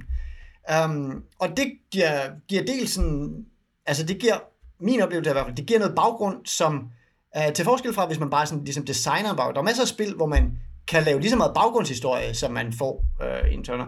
Men hvor, fordi man ligesom selv har skulle designe det, så det der nogle gange sker i mit hoved, hvis jeg ligesom selv designer en, øh, en karakter med en lang baggrundshistorie, det er, at jeg ligesom får resolvet en masse ting. Hvor at med Traveler, fordi det er tilfældigt, det der sker, og, og det kun er nogle få valg, jeg ligesom får, får lov til at prøve at styre, så, så kan jeg sidde med den der øh, sådan u, øh, unresolved følelse i mig bagefter, sådan tænker jeg, ham her, videnskabsmand, han er virkelig træt af at blive smidt ud af akademiet, så det, han vil gøre et eller andet for at få genoprettet det her renommé. I stedet for at jeg ligesom bestemte for, jamen, så bliver han nok smidt ud, og nu har han det, altså, så, så har jeg ligesom resolvet historien for mig selv, og fundet ud af, om det, det var nok der han endte, hvor nu kan jeg ligesom sidde og ærge mig over det her rul, og den ærgelse kan være en del af min motivation for min karakter, eller den glæde over at være kommet ind et eller andet sted, kan være sådan et, hov, det her må jeg virkelig benytte, eller nu har jeg sådan lidt imposter syndrom over, hvor jeg endte henne, eller um, at der kan komme noget med af at få det randomiseret det, som man ikke nødvendigvis ville få lige så nemt af at have designet karakteren selv. Er min oplevelse. Det giver, øh, det giver fin mening, og, og man kan sige, der er også noget med det der med, at tilfældigheder giver bare bedre øhm, brændstof til at improvisere. Altså, fordi det ligesom er, at, at du skal ligesom forholde dig til at, skal, og, og tegne streger imellem alle de her tilfældige, øh, tilfældige punkter. Til gengæld kunne jeg godt have en mistanke om, at man nogle gange kunne komme ud for, at meget af karakterens historie er udspillet, før man kommer i gang med at spille. Altså, at, at, at du får ligesom en, en karakter, hvor meget af den interessante historie, det foregår inden spillet. Også fordi, der, der er lagt op til, og det ved jeg godt, det ændrer sig igen lidt i nogle af de andre udgaver, men i hvert fald i den oprindelige udgave, er der meget lidt, øh, hvad hedder sådan noget, altså, der er meget lidt lagt op til, at man udvikler sig i løbet af spillet. Så det vil sige, at den karakter, du starter med, er ligesom den karakter, du kommer til at have i nogen grad. Og det gør jo så også, at der er mindre mulighed for sådan at at tage karakteren i en eller anden retning i løbet af spillet, så vidt jeg kan se det i hvert fald. Ja, altså, der, der er klart i hvert fald udvikling i den forstand af erfaring. Altså erfaringspoint, som giver skill upgrades og sådan nogle ja. ting, jeg siger. Øh, den slags udvikling er, specielt i Classic Traveler, øhm, var der meget lidt af, at der var det sådan noget igen, ja, du kan måske over de næste fire år, mens du rejser rundt ude i rummet som, øh, som selvstændig handelsrejsende, kan du prøve at se, om du er dedikeret nok til at holde fast i noget, og så får du lov til at stige et skill point. Um, hvilket var milevidt fra, hvad hedder det, fra D&D eller sådan noget, hvor man i virkeligheden, nå okay, man er muligvis en veteran, det, det var så vidt jeg husker titlen for en level 1 fighter eller sådan noget, men derfra, der går det jo amok i, hvordan, hvor, hvor meget man udvikler sig i power, øh, i power level og, og skill level i virkeligheden, når man får de her XP, som måske nok tog noget tid at få i de, i de første udgaver af D&D, men, men stadigvæk, øh, man udviklede sig slående hurtigt i løbet af i spiltid i, øh, med en D&D-karakter eller sådan noget, i forhold til, hvad, hvad der sker her i Traveler. I de nye udgaver er der mere erfaring, også fordi øh, det her med, at det tager så, meget, så lang tid at rejse rundt, gør også, at de ligesom er, når, det betyder, at man har downtime, når man sidder der i, i jump space og skal træne, og så kan man jo passende læse et eller andet korrespondancekursus om, om et eller andet, man, man, en eller anden skill, man gerne vil træne. Men det tager stadigvæk lang tid i spillet. Mm. Um, og i det omfang, man udvikler sig, udviklede man sig klart mere med sådan sociale kontakter, man fik, eller øh, penge, man tjente, eller ting, man lærte om universet, eller sådan noget. Øhm, det, blev, det blev set som nyskabende dengang, at det var noget, der det, det blev rost for, at, at spillet netop ikke blev til en XP-hånd osv. Men ja, det betyder da klart, at, at karakteren er noget statisk, når, når, den er, øh, når den ligesom kommer ud af den der character generator. Om dens historie er færdig, synes jeg jo så kommer lidt an på, hvor meget af det der random gods, man ligesom synes, man vil spille videre på. Ja, helt sikkert. Ja. For, for mig bliver det jo også lidt af Call of Cthulhu. Call of Cthulhu har heller ikke nogen særlig progression med sin karakter. Ikke? Når du først har lavet den, så sker der virkelig meget, meget lidt. Altså, den eneste central for en Call of Cthulhu-karakter, det er, i hvilket omfang han erhverver sig Cthulhu-myterskede, og hvor mange spells han, han har stående i sin tryllebøger, som han ikke tør bruge, fordi han bliver drevet til vanvid af det. Øh, og det er jo sådan set bare håndteret af, at karakterens forventede levetid er så kort, så vi ikke tænker over, at, at, øh, at der ikke er nogen egentlig udvikling for karakteren. Og Travel-karakteren har lidt samme tankegang, at vi har de her sådan, relativt jordnære karakterer, fordi det her er jo et karaktersystem, hvor du har ikke nogen special powers, du har ikke nogen talenter, du har ikke nogen specielle evner, du har dit sæt af skills, øhm, at flyve rumskib, at bygge ting, at skyde pistol, med pistoler, ride på heste osv. Altså du har en skillpakke, men du har ikke special powers, som du køber med talenter i diverse Zero Engine systemer, eller feats og class abilities som i D&D og lignende. På det, så et eller andet sted er det også nogle meget jordnære karakterer, og tankegang er lidt, at det, at på det punkt er der ikke en særlig stor udvikling i øh, deres færdigheder, den ligger mere i, hvad de oplever og tilegner sig nye sociale kontakter. Og det er selvfølgelig rigtigt. Man kan så sige den store forskel, og det siger du jo også lidt selv, ikke? at i Call of Cthulhu, der er, øh, hvad hedder sådan noget, karakterens rejse handler om, hvor hurtigt vedkommende øh, går bananas og dør. Hvor, hvor her virker det som om, der er lagt i kakkeloven til, at man sagtens skal spille i lang tid. Fordi så rejser du, altså det tager lang tid at rejse, og, øh, og, og du kommer til at rejse mange forskellige steder og prøve mange forskellige ting, hvor man kan sige, altså hvor en D&D-kampagne, altså et, et scenarie kan, kan hurtigt blive klaret på en, en eftermiddag eller et par dage i indgennem tid. Så her, altså i samme øjeblik, du skal rejse til, en, til et andet stjernesystem, så tager det i hvert fald nu. Og det vil sige, der, der er ligesom en større tidsspænd, end, end der er i for eksempel D&D, eller Call of Cthulhu for den sags skyld. Ikke? Så, så, så der kunne man netop snakke om, jamen, jamen, når det skal tage så lang tid, så, så er der, der netop mulighed for, at man kan udvikle sig. Ja, men jeg tror bare, at alle Traveler har haft det som fokus, at der skulle være en spilmekanisk udvikling. Mm. Øhm, at fokus ligger mere på at komme ud og opleve ting, så derfor ligger det alt sammen i karakterskabelsen. Ja. For det her, det har jo, er jo virkelig meget besynderligt, når det gælder sådan en level-progression, fordi du kan have karakterer, der, hvor tempoet i kampagnen at de går på eventyr hver halve år, og så stiger de level øh, en-to gange på et kalenderår, men du kan også have en karakter, der går fra level 1 til level 20 hen over 14 dage, hvis bare eventyrene er intense nok. Øh, øh, altså, så, så karakterudviklingen i uh, den, spil, den spilmekaniske udvikling hen over tid i D&D er jo fuldstændig bizarre i virkeligheden, og særligt med 4 for 5th edition, tæt knyttet op af, at man spiller en bestemt storyline, som udviklingen skal ske ind over, og hvis den storyline er komprimeret til 14 dage, så når du level 20 på 14 dage, og hvis den er komprimeret over et halvt år, og så ikke, altså det, det, det virkelig svært for D&D at få en konsistent verden ud af, at, at folks level-stigning ja. er så besynderlig i forhold til tiden i fiktionen. Men altså, men det sagt, øh, altså det kan da helt sikkert, øh, det, kan, det kan sagtens mangle som motivation, for, for den der øh, karakterprogression, øh, altså ja, ja, det, det kan godt nogle gange føles, blive til en XP-hånd, men det kan nu også være en meget fin driver, og, og en meget fin motivation for, hey, ja, det, det er sgu stadigvæk sjovt at, at spille den her karakter, fordi der sker altid lidt med den. Og det, vil, det kan man sagtens komme til at mangle i, ja. med, med en Traveler-karakter. Men det er jo så også, hvad man siger, noget af det, de jo eksplicit har lagt op til, det er netop det der med, at man spiller ikke de her øh, unge håb. Ikke? Altså, øh, at til forskel fra D&D, så er du ikke, øh, ja, så starter man netop ikke sin karriere med at være Øh, 18, en sådan 18-årig plucky eventyr, der tager ud øh, og ser, hvad, hvad verden kan byde. Man er netop mere den her, øh, ja, på, på vores egen alder, eller sådan 40-årig person, der enten prøver at relaunche sig selv, eller måske noget sådan midtlivskrise, og derfor siger, at nu dropper jeg mit job i flåden, og så bliver jeg øh, rumkaptajn selv, og ser, om jeg ikke kan blive rig på den måde.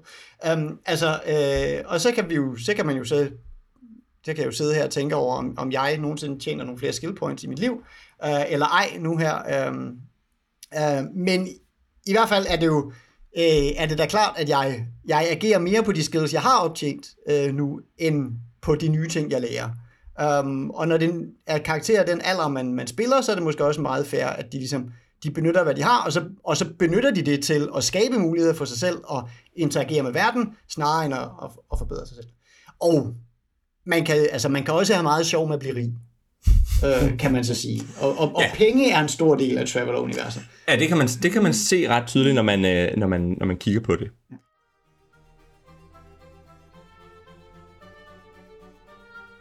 Og det er måske faktisk også et godt udgangspunkt for at gå videre til det næste, vi skal snakke om. Og det er nemlig noget med, hvad det så er, man spiller. Og nu har, jeg, nu har vi snakket en lille smule om det, men at det jo meget er et sandkasserollespil, men det er ikke en hvilken som helst type sandkasse, Morten. Nej, det er jo øh, det store regnsk- øh, bogføringsrollespil, det her, øh, hvor man gerne skal have føre nogle regnskaber undervejs, fordi vi har jo vores købmandsdrevne, altså det er det er jo igen det her besynderlige sådan amerikanske ly- egen lykkesmed rollespils ting det her, der er skrevet ud på hele, sols, altså hele galaksen frem for bare at være øh, på den amerikanske midtvest, hvor man drager ud og finder sin lykke nu bare som midaldrende øh, eller, eller midtlivskrise person, som så nu bruger et rumskib sammen med sine venner, eller tager hyre, eller hvad man nu gør, og så vælger man en retning. Og det er så også det, der er charmen, når man sidder og spiller, det er, at man lægger jo det store kort ud på bordet mellem spillerne, og så kigger man ned over sektoren og siger, okay, men der er så så mange over og der er så så mange hop mellem de forskellige systemer, og man kigger, hvor skal vi tage hen, og man kigger lidt på, hvad har vi af penge, hvad har vi af varer i lastrummet, hvor kan vi købe og sælge, så op på det store intergalaktiske Wikipedia og siger, at hov, der er interesse for high-tech gadgets på den planet, så, og det tager, men for at nå derover, der skal vi så et hop inden om en anden planet, det er en havplanet, så kan vi nemt tanke op i det mindste, så lad os gøre det, og de står alligevel skal bruge noget mad, så kan vi købe noget mad, og man kigger på GM, og GM ruller på varetabellerne og siger, ja, der er faktisk forsyninger af mad, og det er sådan, man, hvad skal jeg sige, spiller en god del af Traveler, det er det her sådan, mellemspil, downtime-rollespil, hvor man spiller livet mellem missionerne, øh, og som egentlig er meget casual, man, altså, altså lad man lige hoppe tilbage og sige, det man et andet sted, en del af spillet er meget casual tilbage, man sidder og snakker om, hvor skal vi hoppe ind, hvad skal vi gøre, øh, altså det er mere sådan en planlægning ting, og så siger man, okay, men så nu hopper vi afsted, og så ruller man, fordi det her er et sandkassespil på en helt anden måde, end de fleste sandkassespil er, fordi normalt sandkasse er sådan noget fantasy-rollespil, hvor man tager der, altså bevæger sig rundt, og så har GM, øh, enten så øh, improviserer GM, eller også reskinder GM alle sit scenarie til at udspille sig, uanset hvor man går hen. Der er ligesom to, sådan, der er grader af forberedelse, men det her ligger op til, at man i stedet vælger en retning, og så kan man hoppe ind i noget, GM og planlagt, man kan også bare se GM rulle på tabellerne, det kan nærmest køre som solitærspil det her, at øh, man flyver steder hen, ruder og ser, hvad møder vi, hvad benspænd er der, når vi er med tøjlen, når vi skal sælge osv. Så, videre. så vi har vi er ved med at have i det her sådan købmandsrollespils ting, det her sådan mellemspil, indtil man så lander et sted, hvor lige pludselig starter et scenarie. Ja, og, og, men, og det kan man jo også i virkeligheden kun fordi det er en tilfældig generator. Ikke? Altså at, at noget af det, der er problemet ved en almindelig sandkasse, er, at vi vil så gerne have et plot, og plot, som er helt tilfældige, er, er svære at få til at være rigtig gode. Ikke? Så det der med, at du ikke nødvendigvis har et, et gennemgående plot her, det er noget af det, der gør, at man kan lave den der sandkasse, som er så meget sandkasseagtig. Ikke?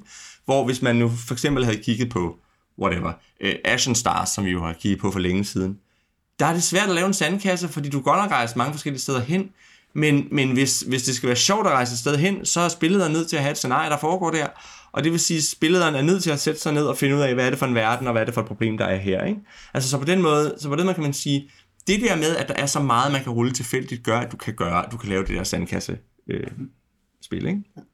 Jo, og en anden ting, som jeg så også synes, hvad man siger, netop den her økonomidriver, at fordi det er også sådan et spil, der har øh, læsset folk ned med en masse, hvad man siger, de har en masse de har mortgages, altså de har typisk, så starter man, man starter ikke med et rumskib, man starter med en share i et rumskib og en masse gæld, øhm, som, man skal, som man skal betale, og man, øh, og man har måske, man har ansatte, altså udover spillerkaraktererne, det, sådan et rumskib kan sagtens kræve mere crew, end man har i en spillergruppe, Um, og man har, hvad hedder det, man har vedligeholdelse på det her fucking Man har alle mulige regninger, der skal betales hele tiden. Og det er både ligesom det, der er motivatoren for, at, man, at, man, at det rent faktisk er sjovt at rulle på de her handelstabeller og score en fed handel og, øh, og glædes over, at øh, man kom frem. Og yes, man fik faktisk de der, det der 15% markup på de der high-tech gadgets, så nu er vi in the money de næste tre måneder i hvert fald.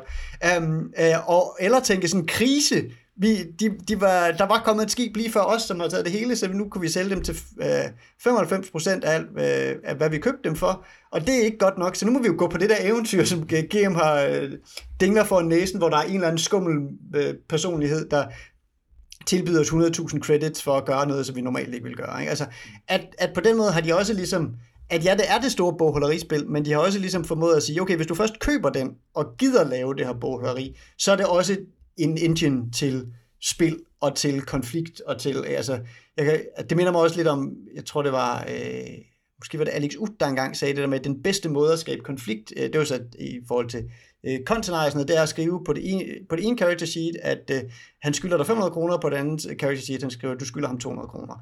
Um, og så er de ellers i gang, de to spillere, ikke? Jo. Um, og, og på, den, altså på den måde kan penge være en enormt simpel øh, og elegant motivator for alt muligt. Øh, det har selvfølgelig klart den der din egen lykkes med og sådan noget, men, men det er også sådan en motivation, som vi alle sammen kan forstå, og som selv hvis man ikke har lyst til at spille vildt meget kapitalist, det kan man sagtens se, når jeg skal, men jeg vil, så vil jeg gerne betale en god løn til de folk, jeg har ansat. Altså man kan sagtens tage den motivation på sig på alle mulige måder og forstå den. Um, og det synes jeg, altså det er igen noget, der gør den der sandkasse til at øh, få den til at fungere, ikke? fordi ja, udover man mangler plottet, men så er der også sådan et, at være sandkasse detektiv er også sådan et, yes, jeg vil opklare ting, but why, altså, hvor, hvor passer det ind i hele resten af verden, kan være svært at finde ud af. Altså selv hvis der var et plot alle mulige steder, man kiggede ned. Ja. Ja. ja, fordi altså, vi har jo, Nisse vi har jo spillet en travel-kampagne for ikke så længe siden, og, og der var det jo en del af charmen, hvor netop det med, at jeg sad og førte bøgerne over, hvad vi købte og solgte, og hvor meget brændsel vi så havde tilbage, og hvad var udgifterne til at vedligeholde rumskibet, og så brugte vi jo også det som platform til, når vi så fik hørte, at okay, der sker noget over i Drinax øh, området. Der er nogle optøjer, der er nogle pirateri. Jamen lad os kigge på det, men for at komme derover, så kunne vi jo kigge ned på det store sektorkort og sige, men der er så så mange hop derover. Vi kan vælge den her rute, vi kan også gå den her rute, vi kan investere i en større motor, så vi kan hoppe den her rute i stedet for men vi har brug for nogle penge undervejs for overhovedet at kunne nå frem. Så det, igen, så det, det var også en sjov størrelse med, at noget af det hvad skal jeg sige, var bare for at komme frem til, hvor der var et eventyr, involverede også det her sandkassespil, at vi jo så kom til en masse små ting undervejs, fordi der skete, at der skete ikke så meget, men der skete lidt, når vi hoppede fra planet til planet, øhm, og vi diskuterede, hvad vi ville gøre her og der og sådan nogle ting. Så, så det der er en, en helt særlig sandkassefil, og nok også fordi den håndterer rejse på en speciel måde i forhold til mange fantasy-rollespil, fordi at når vi hopper mellem A og B, sker der som sådan ikke, altså der går tid, men der sker ikke noget, altså du er ikke på en landevej. Nej, der er ingen random encounters, fordi hvis jeg går på en landevej mellem to byer i et fantasy-univers, så sker der teknisk set noget hver dag, medmindre man begynder at lave sådan et eller andet Peter Jacksons kameraføring hen over smukke landskaber, mens gruppen øh, går på bjergrygge det ene og det andet Det er jo også noget. Det, det er også noget. Um, men, men Traveler har på en eller anden måde fået indbygget, at jeg ikke skal lave narrativ kunstgreb for at få rejsen til at hænge sammen. Um, så et eller andet sted en interessant størrelse, fordi igen, særligt hvis vi bruger D&D som målstok, fordi D&D og rejser fungerer af HT. Um, ja, Ja, helt sikkert. Øhm, og det er jo også, altså, der er jo så også det ved det, at hvis du så rejser, så i modsætning til mange andre rollespil, hvis du rejser 3-4 systemer væk, så forsvinder, altså, så forlader du også alle dine modstandere i, i støvet, hvor man kan sige, hvis nu for eksempel det havde været en eller anden superskurk i D&D, som man rejser væk fra, men han er der stadigvæk, og han er ved at samle sin her af, af skeletter, ikke?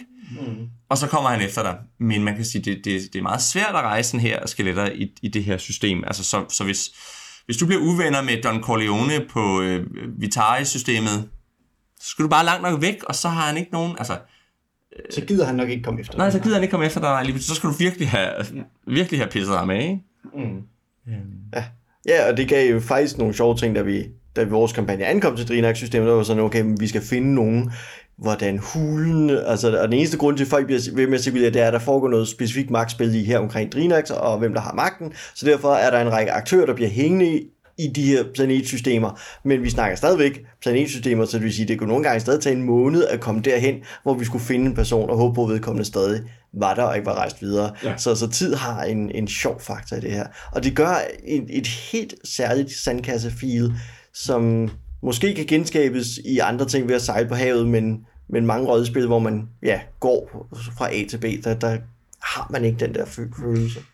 Og så kan man sige, jeg kan jo virkelig også, altså, jeg synes jo, det er interessant, at penge, altså penge er ofte noget, vi abstraherer væk fra i rollespil, ikke? Altså for eksempel kan man sige, hvis nu det havde været D&D, altså, der er selvfølgelig nogen, der går rigtig meget op i, om man nu har pile nok og sådan noget, men, men rigtig mange spil, jeg har været med, når jeg har spillet D&D, har det typisk været sådan, whatever, altså, det der, det der sådan, øh, bogholderirollespil, det er, ikke det, vi, det er ikke det, vi vil. Men det er faktisk det, vi vil her, ikke? Og det der med at sige, okay, det koster dig øh, så så mange at, at købe et, øh, en, en anlægsplads i den her rumhavn for en uge. Og hvis du så vil blive hængende, så koster det noget ekstra, så du skal overveje, hvor lang tid det, hvor lang tid det tager dig at være her. Så koster brændstof så meget, og så er der forskel på, om det er raffineret, ups, raffineret eller uraffineret. Og hvis du kører det, bruger det uraffineret, det kan du godt, men så, så, så bliver det pludselig farligt at hoppe, og sådan, så det skulle lige overveje. Og, altså, at, at der bliver en masse af de der økonomiske øh, overvejelser, som bliver relevante, fordi vi tager det alvorligt. Fordi vi tager det alvorligt, ja, lige ja. præcis. Ikke? Øhm, og hvor man kan sige, der, der, jeg tror, der vil være altså hvor, hvor Dungeons and Dragons går ikke i stykker af, at man lader være med at regne i koverstykker og sølvstykker, men at man bare sådan tager over, ja, ja, I finder en skat, det går nok, okay? Det her går i stykker, hvis ikke man i nogen grad... Det bliver i hvert fald til et helt andet spil. Mm. Jo, jo, altså, det kan man sige, ja. ja. Altså, man, man kan godt køre rent plot-drevet uh, Traveler. Uh, mm. Altså, det, det spor kan man sagtens sætte Traveler ind på, og øh, og droppe det andet der. Og man kan, også, man kan også godt tematisk få det til at fungere i Traveler ved at sige, jamen, så er jeres øh, rumskib, det I arbejder for flåden nu, og de skal nok tage sig alt vedligehold og ting og sager. Sådan. Um, så det kan man sagtens gøre, men, men det bliver klart et helt andet spil og så videre. Um, jo lige en lille note om det der med rejseting, for det er fuldstændig rigtigt, at i Traveller sker der normalt ikke særlig meget øh, under rejser. Men der er faktisk også, der er nogle fine Traveler-scenarier, der netop, der omvendt benytter det, øh, den der, det der hop, som et enormt fint sådan, lukket rum, Uh, ikke? Altså, det, det, uh, og det kan enten være, nu har vi mormysteriet, vi ved jo, men det kan kun være folk her ombord, fordi vi er i en ekstra dimensionel lomme, der kan ikke være kommet nogen ind og ud. Um, eller til at, sådan en alien remake, hov, der var noget, der klækkede ned i den der last. Oh my god, ikke? altså vi kan ikke komme væk lige nu. Og, sådan. Um, og, og det synes jeg uh, er meget fint, at de netop, ja okay, vi har den der med, vi behøver ikke bekymre os specielt meget om det her rejse eller sådan nogle ting, men det eksisterer i fiktionen, så derfor kan vi også godt benytte, benytte det i fiktionen til så at lave nogle helt specielle scenarier. Ja, jeg sad også og tænkte på det der med, at du får jo, du får jo passagerer med, og hvis du så får to passagerer med, som viser sig, at de ikke kan med hinanden, eller et eller andet, så har du dem i en uge, og de kan ikke komme nogen steder, og altså, der, der kunne man sagtens lave et scenarie, der handlede om, at de her to passagerer ikke kan sammen. Ja. ja, vi havde jo igen med reference til kampagnen netop taget en fange, ikke? og sådan, okay, vi skal bo sammen ombord på en rumskib i en måned med den her fange her. Vi bliver nødt til at være bare nogenlunde venner, fordi... Men, men der, der kunne man så forestille sig, og det er jo så der, hvor de har de der tre grader af, hvad hedder sådan noget, hvor, hvor luksuriøst man kan rejse. Altså, så har man jo de der crew det havde de ikke på deres skib. Det havde de ikke. Nej, så stort var vores rumskib ikke. Så, så igen, altså, så vi fik noget sjovt spil ud og sige, okay, vi har taget den her person her, men nu bliver vi nødt til at være alle sammen at være civiliseret om, hvordan vi forholder os som fange, fangetvogter her, fordi ja. vi skal leve alle sammen sammen under samme tag i en måned. Um, ja. Og det gav noget interessant spil af, af rollespilsmæssigt at sidde og spille sådan nogle situationer også, både internt i gruppen og så over for vores fange og sige, jamen, du er vores fange, men vi skal alle sammen være her. Um, vil du have en bog? Uh, hvad kan Ja. Det kan være, du kan, det kan være, du kan få lov til at komme af om nu, eller om, altså, ja. Mm. Så, så det, er, det er et spændende måde at spille sandkasse-rollespil på.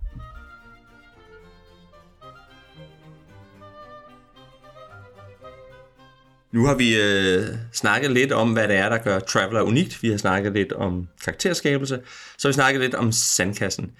Og, øh, og nu kan man sige, Nis, jeg tror godt, jeg ved, hvad, hvad, hvad du vil sige, men, men hvad, hvad synes du om Traveler? Jamen, altså, jeg, jeg synes, det er et, øh, et rigtig fint øh, science fiction system, som bestemt fortjener sin ikoniske status. Og jeg, jeg synes også, at det er en setting, som øh, jeg, det var så mest i købsudgaven, men har moret mig meget over at dykke ned i. Det behøver man slet ikke for at, for at nyde Traveler. Man kan i virkeligheden spille Traveler som et ret generisk. Altså hvis man ligesom tager alle de der implicite ting med, okay, jump travel virker på en bestemt måde, penge er vigtige, det er nok, og fordi jump travel virker sådan, så er det nok relativt decentraliseret osv., så kan man køre det sådan relativt generisk, uden, uden at bekymre sig meget om, hvad The Third Imperium er, eller hvad for nogle planer The Shudani har, og sådan nogle ting. Altså. Men hvis man vil dykke ned i det, så er det også en mine til at øh, populere hele den her sandkasse, og, og have et svar, når spillerne hopper hen til en ny planet og vide, altså uden at man nødvendigvis skal slå den her planet op, så bare vide, okay, men der sker det her, jeg synes, øh, altså, jeg synes, det kunne være sjovt at starte et eller andet med de her uh, Shodani Sionesis. Det kan jeg nok godt få hugt mine spillere på. Og så kan det være, at de hopper væk, men så, jeg ved jo, de er jo in the area, så, de, så jeg kan jo stadigvæk fortælle lidt af den her historie, selvom de, selvom de gør noget andet, øh, og er på jagt efter deres øh, computer. Så jeg, jeg, synes, det, jeg synes, det er rigtig godt, og jeg synes, det, det kan mange ting, og jeg synes, i de nye udgaver, øh, der får man et helt moderne science fiction rollespil, der, øh, der, der kan nærmest alt, hvad man ville, ville ønske af, af sådan et, øh, ja, af, af, af, af et sandkasse-rollespil. Ja, øhm, jeg synes Traveler er en, en spændende og interessant størrelse. Det er ikke altid lige den type af science fiction, jeg gerne vil spille. Jeg tror nogle gange, jeg vil spille et andet lidt mere super science, lidt mere transhumanistisk, øh, som Transhuman Space lignende, eller også ude i et mere sådan mystifistisk øh, sci-fi space opera, som, som Coriolis har sådan en mere en rummysticisme over sig. Men som hard science, en klassisk golden age science fiction, der synes jeg, at øh, uh, Traveler gør det rigtig godt, og jeg kan også godt lide, at det er et relativt enkelt regelsystem at arbejde med. Det er, det er rulle 2d6, ikke din skid modifier til at se, hvad der sker. Det, det er ikke et særligt kompliceret system, uh, det er meget nemt at sidde og arbejde med. Um, og det er nok også derfor, vi virkelig snakker lidt om systemet, fordi det er et meget hurtigt regelsystem, der træder træder i baggrunden, fordi det er et skillbaseret 2D6 plus modifier system. Øhm, og så har det så det her helt, helt særlige måde at gå til øh, sandkasse på, som jeg synes er spændende, fordi det kommer med alle værktøjerne på forhånd. Det vil sige, at hvis jeg skal lave en sandkasse i mange andre rollespil, så skal jeg som Game Master enten sidde og improvisere konstant, eller bygge en masse op, som måske aldrig bliver brugt. Og her der får jeg værktøjer til simpelthen at sige, bare rulle tingene og sige, det er det, der sker, nu spiller vi ud fra det, og det bliver sjovt. Og der kan man sige, hvis jeg skal kigge på det her, så kan vi jo starte med at sige, at, øh, at der er ligesom to ting, man skal vide om mig, og det er, at jeg jo for det første, øh, hvad hedder det, øh, er jo meget til sådan noget historie noget. Altså jeg, jeg rollespil, der fortæller mange historier. Og så er jeg i virkeligheden, når det, når det handler om sci-fi, så er jeg nok mere til noget af det bløde. Jeg er i virkeligheden ikke stor fan af sådan det meget hårde sci-fi. Og det vil sige, at jeg er ikke prædisponeret til at kunne lide det her. Når det ser er sagt, så synes jeg, det, jeg synes, det, der er rigtig mange interessante ting i det. For eksempel kan man sige, at jeg synes, den der, den der karakterskabelse, synes jeg faktisk er super interessant, fordi det er, igen, altså i al sin meget tilfældige og, og, og sådan lidt, lidt, lidt øh, hvad hedder sådan noget, ikke særlig historiefortælleragtige øh, toning, så er det faktisk en historiefortællende maskine. Jeg tror så, altså, jeg tror så gerne, jeg vil have netop noget, hvor der var en lille smule mere bange på det, når man så kom i gang med at spille. Altså jeg tror, jeg, jeg tror, jeg, hvis jeg så endelig skulle have et, et, øh, et, et handelsrollespil, ville jeg gerne have lidt mere fagning på den del af det også. Altså jeg tror måske, jeg tror måske, det bliver lidt for meget implicit, bare sådan... Øhm, men det er, et, det, det er et interessant system, og jeg kan godt se, hvorfor det tiltaler nogle folk. Altså jeg kan huske, at jeg, jeg, jeg hørte om øh, øh Robin D. Law, som netop havde spillet det her med en flok øh, revisorer, som havde en fest med netop at prøve at, øh, hvad hedder sådan noget, at, at, at, at køre det der handelsspil, og han blev hægtet fuldstændig af som spilleder. Og det er lige meget, fordi de kunne, de kunne køre den del af det selv, og så kunne han putte nogle historier ind en gang imellem, og så, det var fint, og så kunne de handle videre, ikke? Altså, og, og det, øh, og jeg, jeg, øh, jeg, altså, jeg tror måske også, jeg er nået til et sted, hvor jeg, hvor jeg synes, det er lidt sjovt at kigge lidt mere på, det, på ressourcedelen af rollespil, ikke? Og at det her er faktisk et rollespil, der gør det på nogenlunde interessant måde, som, som, som jeg tror kunne være sjov at lege med. Det store problem er, at jeg tror, man skal spille det et godt stykke tid, før det for alvor kommer op og, og svinge, og det er jeg ikke sikker på, at jeg har tålmodighed til. Det er så, det er så hvad det er. Ikke? Altså, at du skal alligevel... Du kan ikke spille et one-shot af det her, og få den der del af det til at virke. Du skal spille... Altså man kan, man kan sagtens spille one-shot, sådan plot eventyr og sådan noget, men, men det er rigtigt, at hele økonomitingen kører først, når man er inde i det og, ja. og forstår de der beslutninger. Ja, det bliver også først, altså et eller andet sted bliver det også først interessant, øh, med de der credits bliver først interessant, hvis du skal spille mere end, end, end, end, end et scenarie. Og jeg, jeg, jeg tænker lidt på det i forhold til, at jeg også er i gang med at spille Forbidden Lands. og hvor der også er en ressourcedel af Forbidden Lands. Det, det er meget anderledes, ikke? Men, men den del af det bliver også først rigtig interessant, når man spiller det som en kampagne, hvor man rejser frem og tilbage, og man skal sørge for, at man har mad, og så kan man bygge sig et fort og alle de der ting. Det er først der, den del af det bliver relevant, hvor man kan sige, hvis man skulle spille one-shot, så kan det godt være, at jeg bare vil glemme den der ressourcedel af det, af, af, af det system, fordi så vil det være nogle andre dele af det, der vil være interessant at kigge på. Ikke? Og det er lidt den samme fornemmelse, jeg har her, at, øh, at hvis jeg skulle spille et one-shot, så ville jeg glemme alle pengene, og det vil jeg så først gøre, hvis jeg faktisk skulle spille i hvert fald 5-10 sessioner. Ikke? Måske endda også mere. Jeg ved ikke, hvor, hvor, hvor lang tid skal man spille det, før det giver mening? Jeg tror, at, at du kan godt ramme økonomioplevelsen allerede med en 5-10 øh, ja. spilgang. Det, det kan du godt, fordi at den træder hurtigt frem, så at sige. Fordi du kan hurtigt på en spilgang, altså på en aften, skulle hoppe mellem en 3-4-5 planeter og have et lille side eventyr undervejs. Ja. Øh, men det er så også igen, fordi det her, det er jo et spil, hvor en del af spilletiden er at sidde og flyve og handle og hoppe.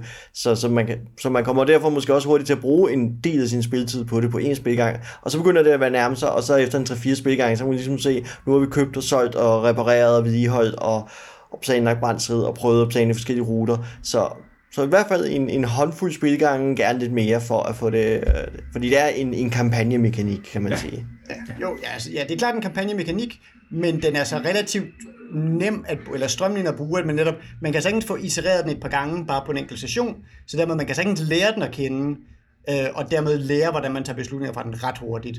Øh, så hvis man bare ligesom ved fra starten, den er relevant, så kan man nemt få den i spil, og så tager den netop ikke mere end 5-10 sessioner, før at man ligesom også kan se, at okay, der er også et payoff på, at vi har brugt den. Og sådan. Ja.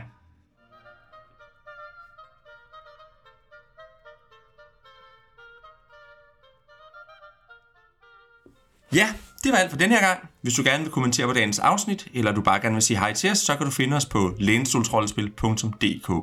Du kan også finde os på Facebook, hvor vi er Lænestolsrollespil, og så kan du skrive til os på kontakt Vi er Nis Bakkesen, Morten Greis og Elias Helfer. Tak for den her gang, og vi håber, I vil lytte med næste gang, hvor vi laver nogle Traveler-karakterer. Så nu hopper vi, så er der to uger, til vi lander igen.